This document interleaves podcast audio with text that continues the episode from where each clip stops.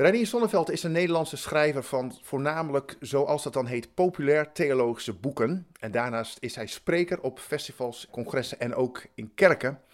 En hij schreef een boek juist in deze tijd over de coronacrisis en ook ja, wat het met hem zelf deed. En uh, dat boek heet Waar is God in de crisis en waar ben ik? En ik heb hem nu aan de telefoon. Reinier, goedemorgen. Hoi. Hallo dan. Goedemorgen. Hey, hoe is het met jou? Ook in deze, ja, toch wel wat bijzondere tijd. Ja, nou ja, de, de, de lockdown is natuurlijk, uh, die wordt langzamerhand opgeheven. En ik, ik merk dat de, dat de dingen wel weer, ja, zijn normale gang gaan. Dus er, er, is nog steeds wel een soort van uh, onrust. Van uh, wat, wat, was dit nou en, en ja. wat gaat er uh, gebeuren? Komt er, nou ja, uiteraard komt er een, een tweede golf. dat soort vragen. En, en, en wat hebben we hier nou van geleerd? Ook wel onrust over, over de economische crisis. Hè? Er ja. zijn op dit moment heel veel berichten dat het toch weer nog erger gaat worden dan iedereen al dacht.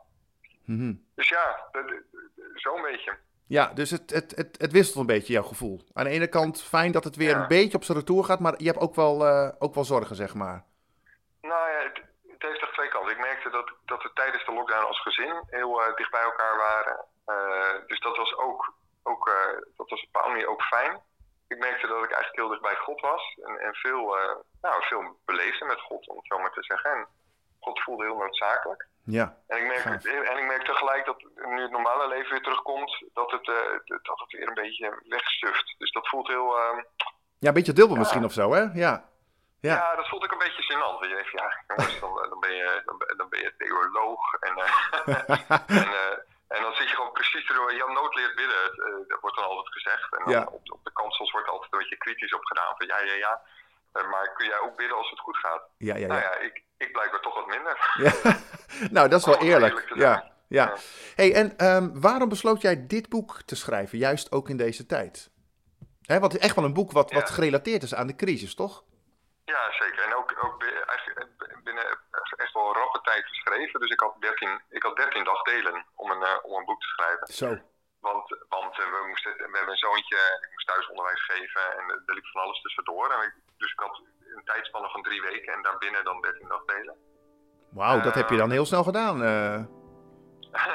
ja, ja, ja eh, klopt. En dat, dat is voor een deel gewoon, eh, ja, zo werk ik. En het, is- en het is mijn vak, hè. ja. Iedereen is snel in zijn vak, zal ik maar zeggen. Dus dat, ja, ik, als ik een bus moet eh, gaan chauffeuren, dan, eh, dan, dan ben je morgen nog niet met de naam ja, Dus dat- precies. Nee, ik ga wel fietsen, ik hoor het al. ja. Precies. Ja. Dus, eh, en, en, maar goed, ehm, ja, er was een heel praktische aanleiding, namelijk dat ik op, een, op een ochtend wakker werd en besefte dat mijn agenda volledig leeg was. Dus al, al mijn lezingen, alle coaching die ik geef, alle klussen die ik had, die, die waren weg. Dus het was echt van, vanaf dat moment tot, tot de eeuwigheid was mijn agenda leeg. Zo zeg, En dan dacht ik van zo, oké, dit, is, dit is wel heel leeg. laat ik, laat ik eh, nu gaan bedenken wat ik ga doen. En, Maar even eh, terug naar dat, dat moment, Renier. Wat, wat, wat Ja. gebeurt er dan op zo'n moment met je? Schiet je dan in paniek? Of denk je, nou, het komt vast wel goed? Of eh, de Heer zal voorzien? Wat, wat, wat was je reactie? Ja, dus ik, ik heb wel echt wel paniek gevoeld, maar op dat moment niet. Omdat ik wel, ja, dus ik, ik was daar redelijk, ik was daar op dat moment wel nuchter in. En ik, en ik, ik, ik, ging, ik ging naar oplossingen zoeken. Ja, ja. En, en eh, eigenlijk het eerste wat ik gedaan heb is, ik had de weken daarvoor veel artikelen geschreven en had daar ervaren dat ik echt wat te zeggen had. Daar, daar werd heel goed op gereageerd.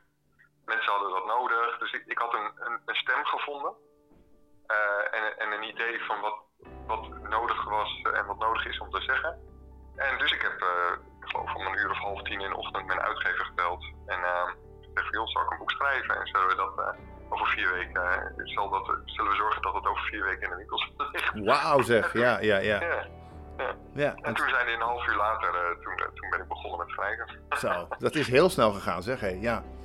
Wat is nou de essentie van dit boek? Wat, wat hoop je nou dat lezers vooral meekrijgen?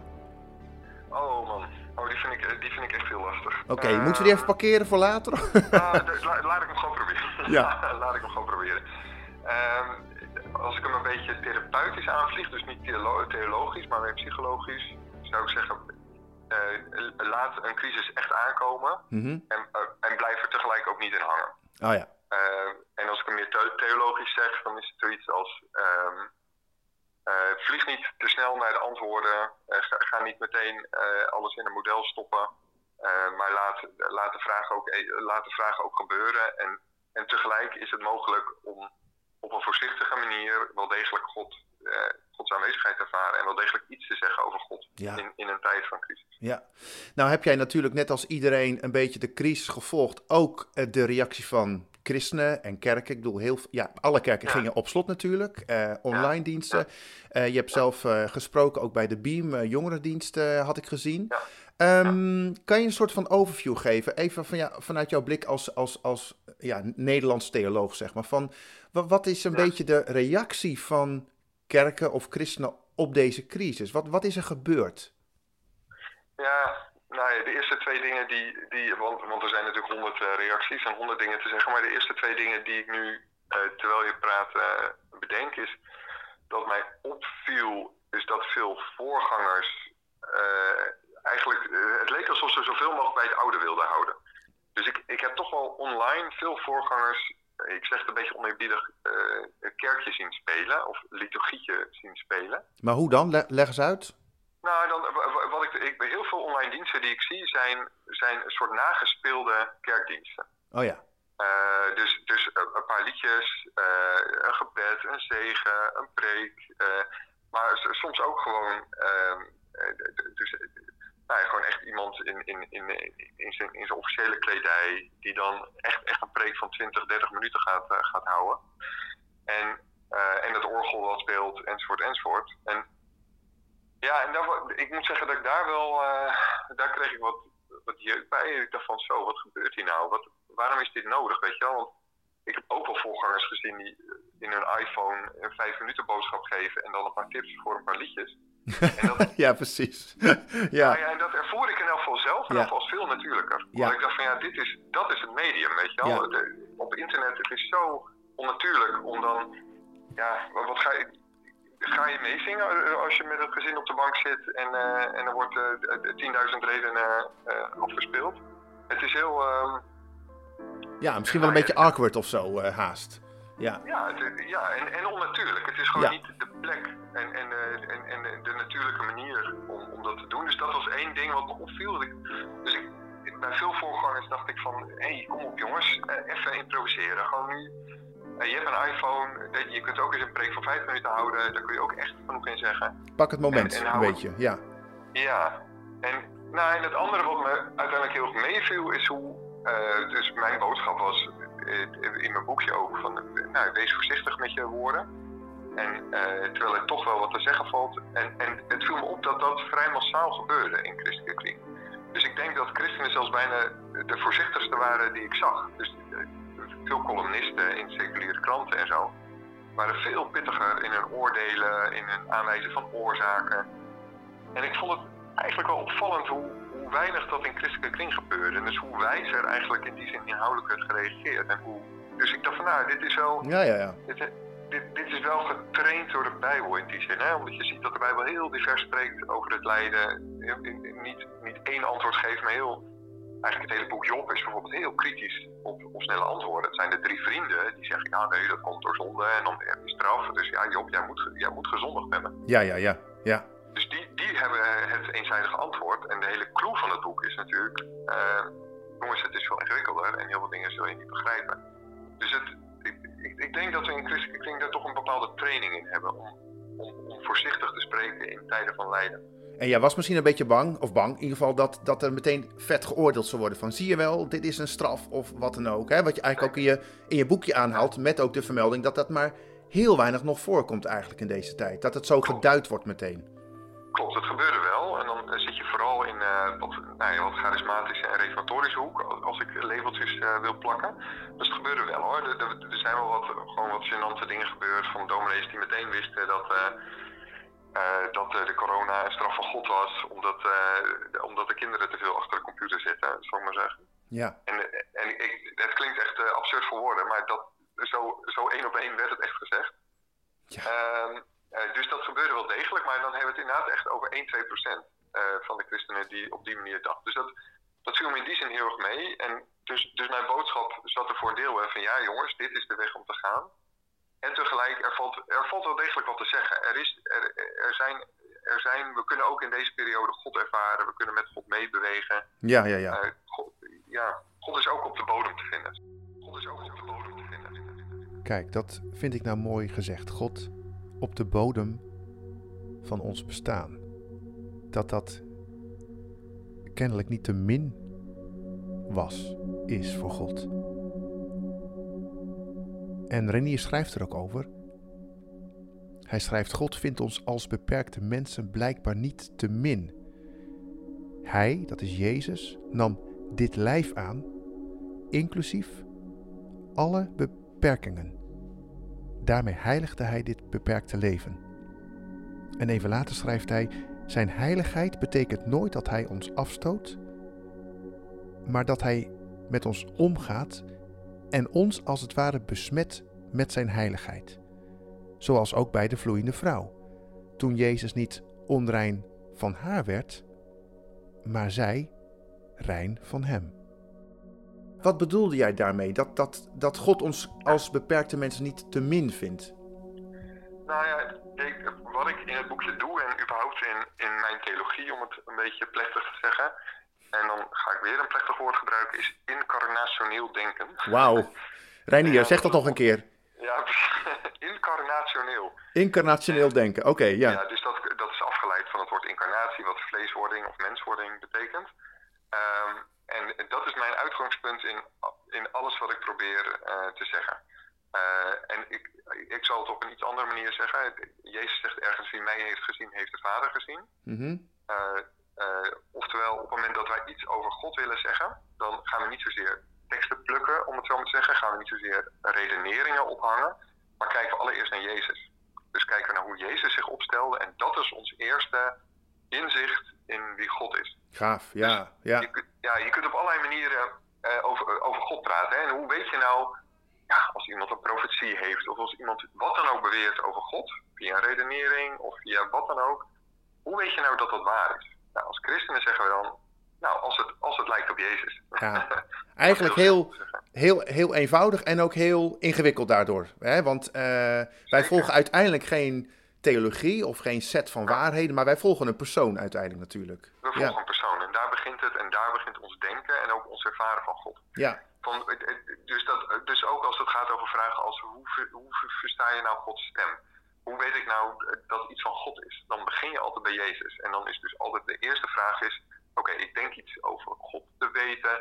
Klopt dat bij Jezus? Zou ik dat ook over Jezus kunnen zeggen? Ja, precies. En dat geldt natuurlijk ook voor die heiligheid van God. Hè? Uh, God is natuurlijk enorm heilig en uh, in hem is, is geen donkerheid, is niks. Tegelijkertijd, als je naar Jezus kijkt, hè, dan zie je dat Jezus in zijn tijd op aarde ook optrok met uh, prostituees, met uh, moordenaars. En dat hè, in, in ons werk bij THDV spreekt ons dat ook zo aan. Hè, dat hij echt met de minste van de mensen gewoon contact had. En dan schrijf jij dit, ik citeer: Zijn heiligheid betekent nooit dat hij ons afstoot, maar dat hij met ons meegaat en ons besmet als het ware met zijn heiligheid. Zo ook, zoals ook bij de vloeiende vrouw, toen Jezus niet onrein van haar werd, maar zij rein van hem. En mijn vraag is. Uh, dat je toch nog heel vaak een beetje die, die kritische uitdrukking hoort. Misschien ken je hem wel. Nou, als christen, waar je mee omgaat, word je mee besmet. Maar jij draait het eigenlijk om. Jij zegt eigenlijk van nou nee, we zouden andere mensen juist uh, kunnen besmetten met, met onze heiligheid. Zoals God ons uh, ook met zijn heiligheid besmet. Dat is best uh, nou, interessant. Het is allereerst een idee, ja precies. Het is allereerst een idee over wat heiligheid is. Hè? En, en allereerst over God. En dan zie je en ik vind de toepassing die je maakt heel mooi. En, want ik, ik zie heel veel het, uh, het uh, idee dat, dat Gods heiligheid uh, een afstotelijke heiligheid is. Dus ja, heel ver weg of zo ook. ja. Heel ver weg en je moet er niet te dichtbij komen. En God kan niet leven met zonde. Dat soort dingen worden nog gezegd. Dus, dus, dus zonde duurt hij heel ver weg. Um, en terwijl, je, terwijl ik Jezus, en dat is een soort bewering over God. En waar haal ik dat nou vandaan? Hoe, hoe, weet je, hoe komt een mens daar nou bij? Dus dan, wat je als christen doet, is eerst naar Jezus kijken. Hoe gaat Jezus met zijn eigen heiligheid om? En dan zie je dat hij helemaal geen zondags afstoot.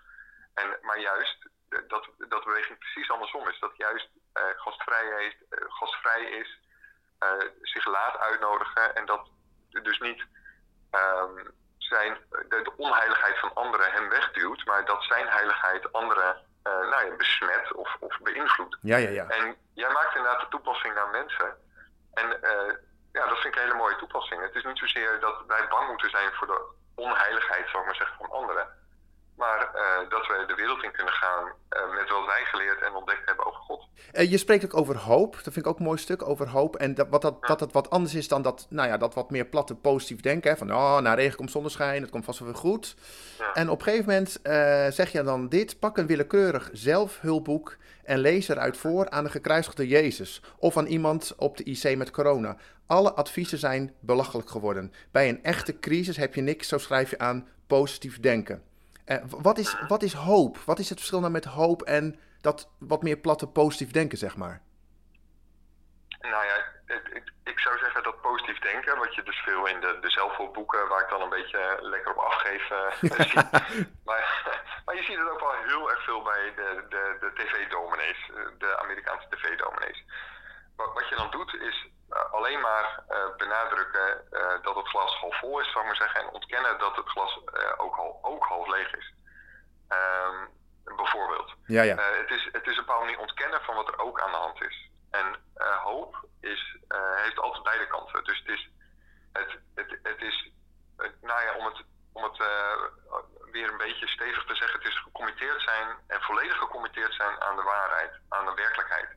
Dus echt willen zien wat er echt aan de hand is. En dat betekent dus dat je ook de shit ziet, dat je ook de narigheid ziet. En dat je die volledig erkent, maar daarbinnen ook wel degelijk beseft dat er nog heel veel kan veranderen. Want dat is hoop. Het besef dat, uh, dat er uh, nog mogelijkheden zijn. Dat, dat de wereld niet een soort gesloten bastion is waarin alles mechanisch zich uitrolt. Een soort fatalistisch gevoel. Hè? Ja, je hebt dan ook die open lijntjes met de hemel ook als het ware, hè? Exact. Ja, ja. ja exact. Dus hoop ja, je zou kunnen zeggen, een poreuze wereld. Een wereld waarin er, uh, waarin er nog iets binnen kan sijpelen, waarin de, de, dingen nog kunnen veranderen. En dat kan zelfs in de diepste crisis, in je diepste lijden, kun je dus nog ja. een sprankje hoop hebben. Dat je denkt van, ja, maar dit heeft niet het laatste woord of zo. Ja, en dat zie ik Jezus doen. Hè? Dus, want de, de rode lijn van mijn verhaal is eigenlijk dat ik de, de zeven kruiswoorden van Jezus gebruik. Uh, als nou ja, als plek van hij, hij, hij was op zijn diepste crisis en hoe reageerde hij toen? Nou, ik zie, ik zie Jezus geen antwoorden geven in de zin van een soort verklaringen voor zijn lijden geven. Ik zie hem zijn lijden niet uitleggen.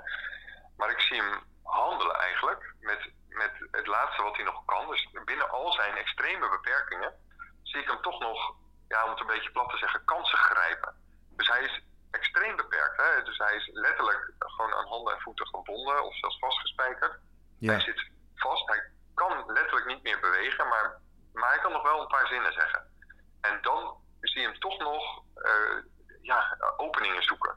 Uh, zorgen voor zijn moeder en, en Johannes bijvoorbeeld. En te zorgen dat daar een soort, ja, het is eigenlijk een soort geïmproviseerde adoptie wat hij dan, wat hij dan uh, wat hij uitvoert. Ja, ja. en, en zorgt dat zijn moeder tenminste nou ja, een plek heeft. En hij, je ziet hem vergeving aanbieden. Je ziet hem, de, de, de, de terrorist naast hem, de, de, de misdadiger, zoals de klassiek werd genoemd, zie je hem troost bieden.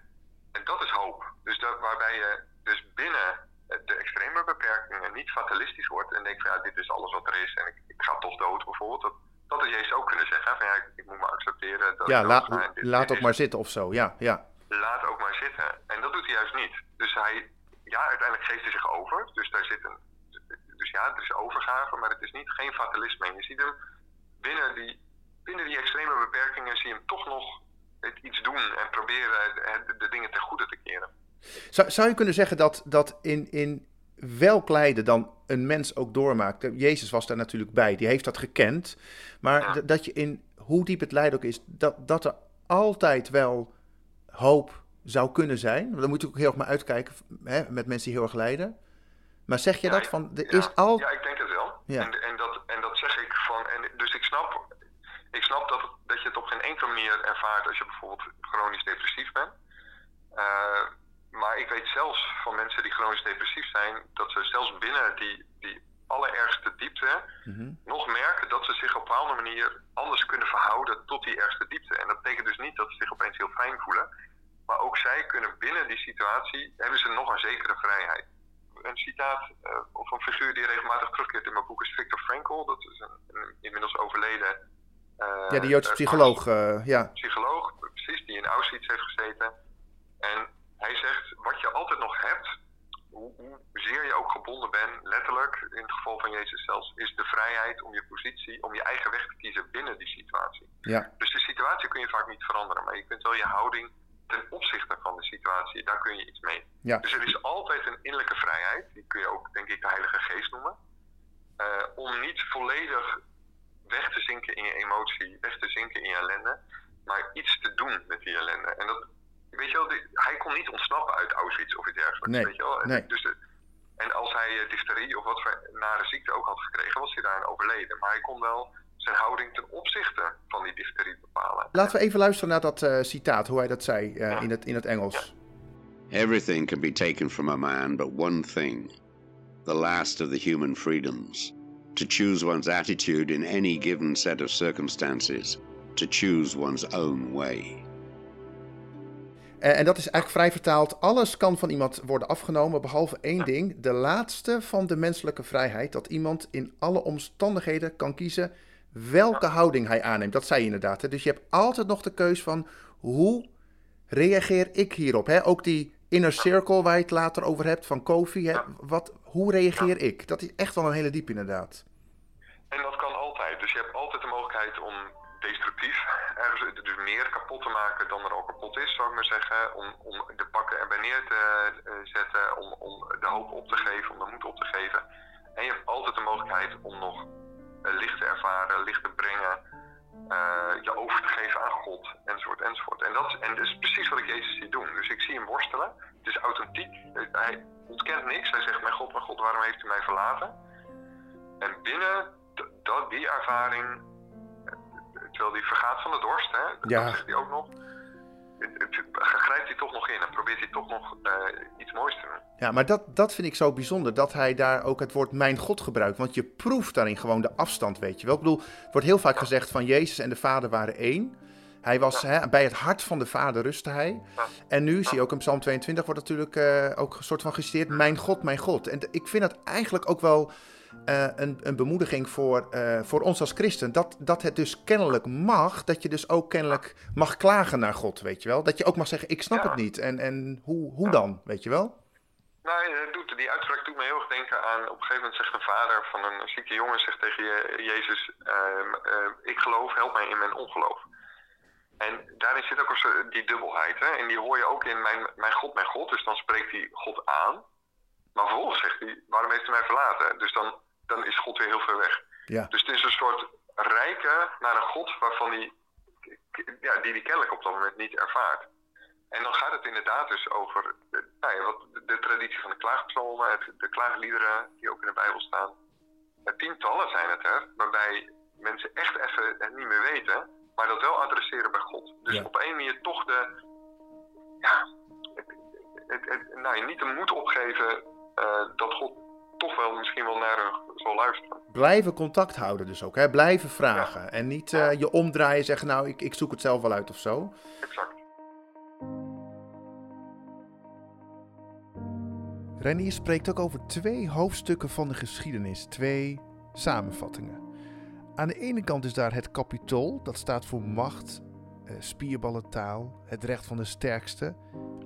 En aan de andere kant Gogolta. En daar zien we een mens, Gods zoon zelf, die tot het uiterste afziet van macht en gul blijft. En zelfs zijn beulen vergeeft hij. Nou, Renier zegt eigenlijk dit Kapitol en Gogolta zijn twee manieren om naar het leven te kijken en het leven samen te vatten. Staan we er ten diepste alleen voor en moeten we altijd onze plek bevechten? Of durven we te vertrouwen dat uiteindelijk leven en de liefde winnen? En ik vroeg aan hem, wat is nou precies het verschil tussen Kapitol en Gogolta? Nou ja, allereerst vind ik het heel mooi dat, dat allebei die woorden heten eh, schedelplaats of schedelberg. Capitool, en daar hebben we nog. eh, de- de- de- de- nou ja, de caput is het, het, het Latijnse woord voor hoofd. Oh ja, Dat is de, de belangrijkste berg, de heilige berg in Rome. Ehm, eh, waar, eh, de, de- waar de priesters waren, waar de, de belangrijkste tempel voor Jupiter was. En waar soms ook hele eh, belangrijke tochten, triomftochten naartoe leiden. om de keizer te eren voor een grote overwinning. Echt een mens in al zijn kracht zou je kunnen zeggen. De mens in al zijn kracht en al zijn. Dus daar wordt zeg maar menselijke kracht wordt daar geëerd. Dat wordt daar geprezen. Van ik heb een gevecht, ik heb een gevecht gewonnen. Nou dat. En, en Jupiter was ook zo'n god. De, dus dat was de hoofdgod van de Romeinen. Dat was ook een god die, van de spierballen. Hm. Um, het, Gogota is een kleine rots, waarschijnlijk buiten uh, Jeruzalem geweest, vlakbij het Gehenna, dus vlakbij de afvalplaats. Um, uh, waar je dus de stad uit werd geleid. Dat was niet de, de, het, het hoogtepunt van de stad zelf, maar je werd de stad uitgeleid, dus de gemeenschap uitgeleid. Dat was een plek van eenzaamheid. Um, en ook Jezus ging daar in een soort stoet naartoe. Uh, en koos blijkbaar op dat moment voor, voor een andere manier van kijken naar het leven. Om andere dingen belangrijk te vinden dan, om het even simpel te zeggen, weer succes van de wereld. Ja, ja. Geen spierballentaal en zo. Gewoon. Het is, nee, het is bepaald geen spierballentaal. Dus Jezus had, uh, dat, daar, daar lijkt het op, het charisma om een grote opstand te ontketenen bijvoorbeeld. Ja. Dat, je weet bijna zeker dat hij dat had gekund. En uh, hij had, had een enorm charisma natuurlijk. Hij had hij had veel volgelingen, hij kon wonderen verrichten, enzovoort, enzovoort. Dus hij had op die manier uh, de wereld kunnen winnen. Maar hij kiest ervoor om, om dat op een andere manier te doen. Dus hij kiest ervoor om te winnen nou, via, via trouwe liefde, om het, zo, om, om het maar even in één term te typeren. Dus, hmm. dus wat je hem ziet doet, is loyaal blijven aan mensen, trouw blijven aan mensen, en mensen vergeven. Uh, en zeg maar via die wat, wat zachte krachten uiteindelijk een rijk te stichten uh, wat, wat veel duurzamer werd en veel langduriger bleef bestaan dan het Romeinse Rijk.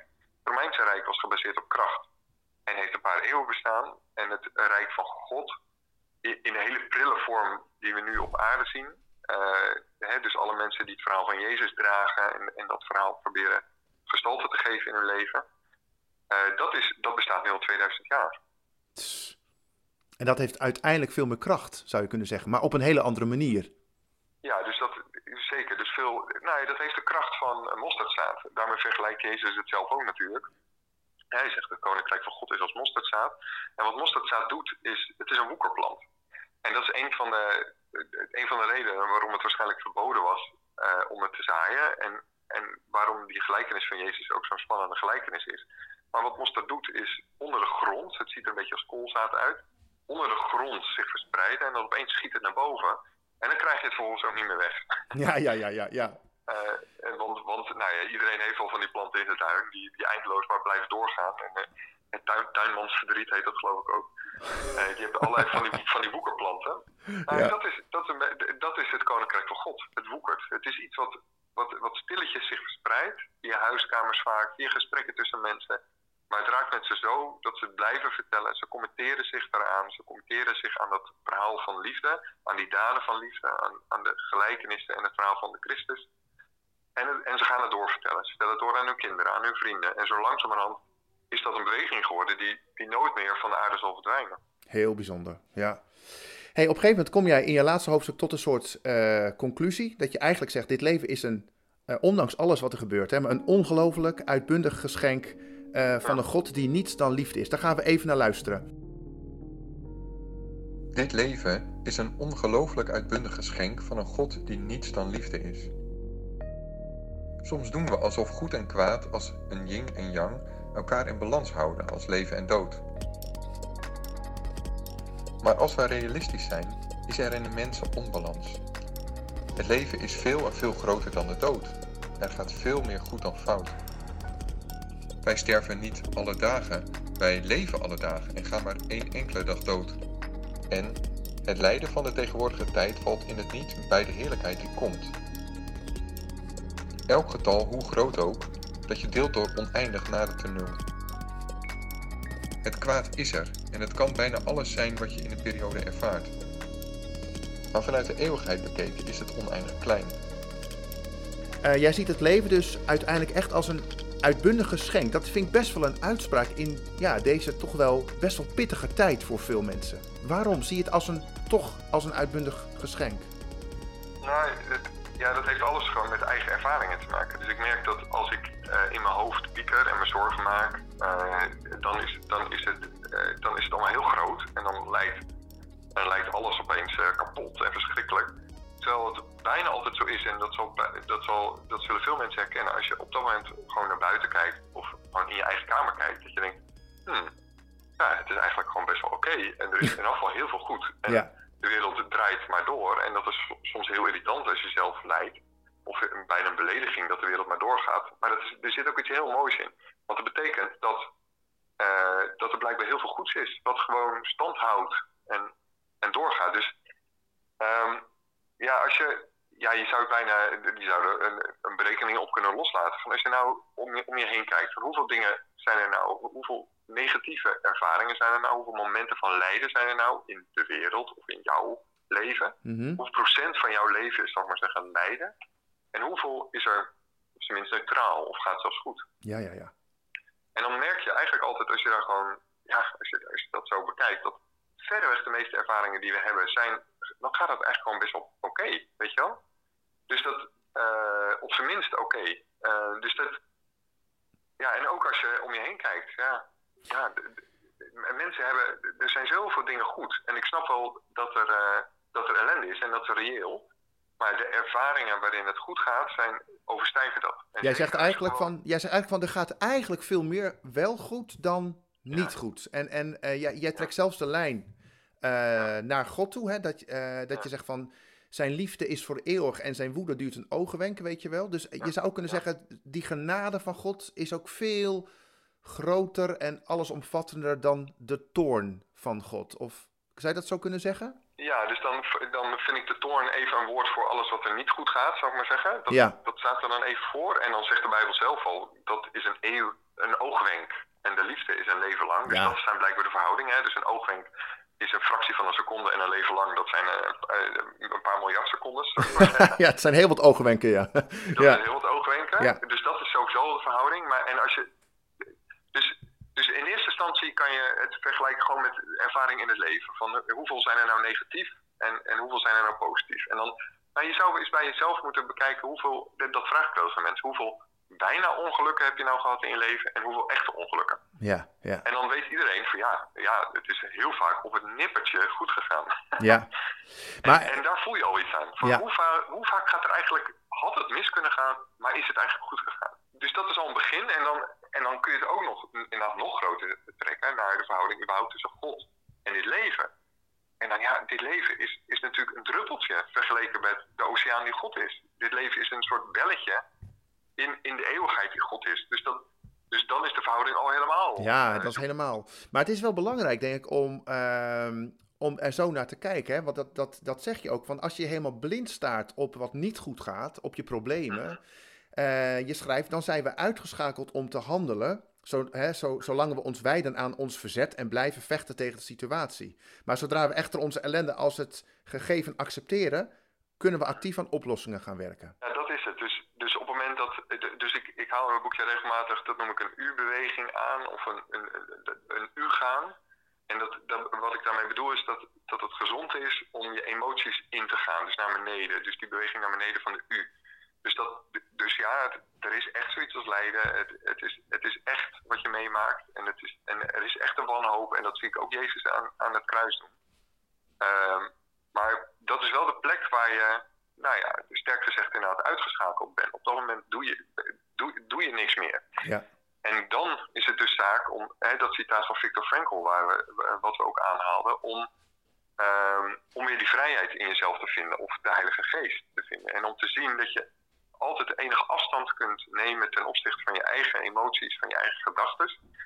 En een nieuwe weg kunt bepalen binnen die situatie. Ja, en dat hoeft natuurlijk niet binnen één of twee dagen. Dat is wel belangrijk misschien om te zeggen. Er mag natuurlijk ook tijd van grote verslagenheid en je, en je, en je letterlijk uit het veld geslagen. Maar je zegt eigenlijk, blijf daar nou niet in hangen. Want dan, dan, dat, is, dat is niet goed. Nee.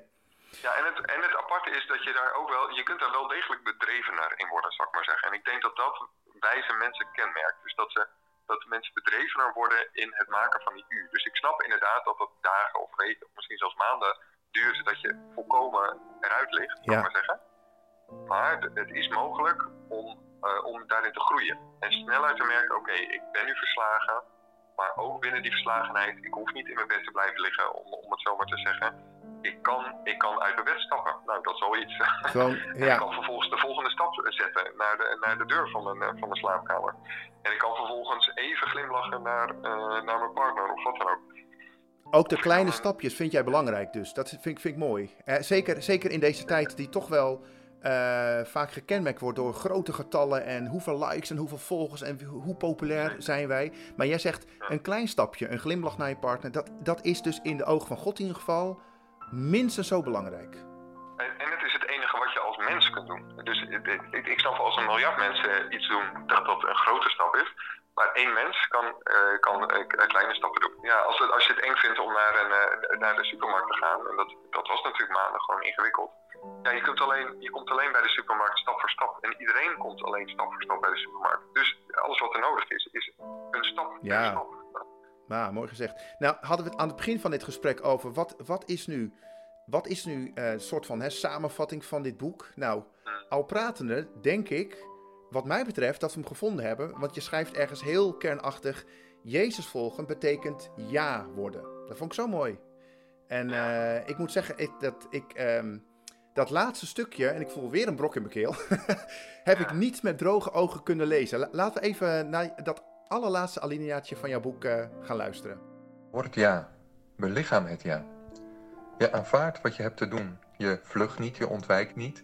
Je neemt het op. Ja, dit heb ik te doen. Dit is de dag die God me weer heeft gegeven. Dit pak ik op. Misschien ken je ze. Mensen die zelfs in de verdrietigste situaties nog een wonderlijke kalmte en wijsheid uitstralen. Zij zouden getroost moeten worden, maar zij troosten anderen. En je voelt dat ze niets vermijden. Het is echt. Ze doen je denken aan de gekruisigde Jezus, want je proeft bij hen hetzelfde geheim, dat niet kan worden afgenomen, maar dat ze verborgen lijken te houden omdat het niet begrepen wordt. En soms vermoed je dat dit het is, dat achter al hun tranen straalt. Onblusbare vreugde. Waar ben ik in de crisis? Wees waar je kruis is en neem het op.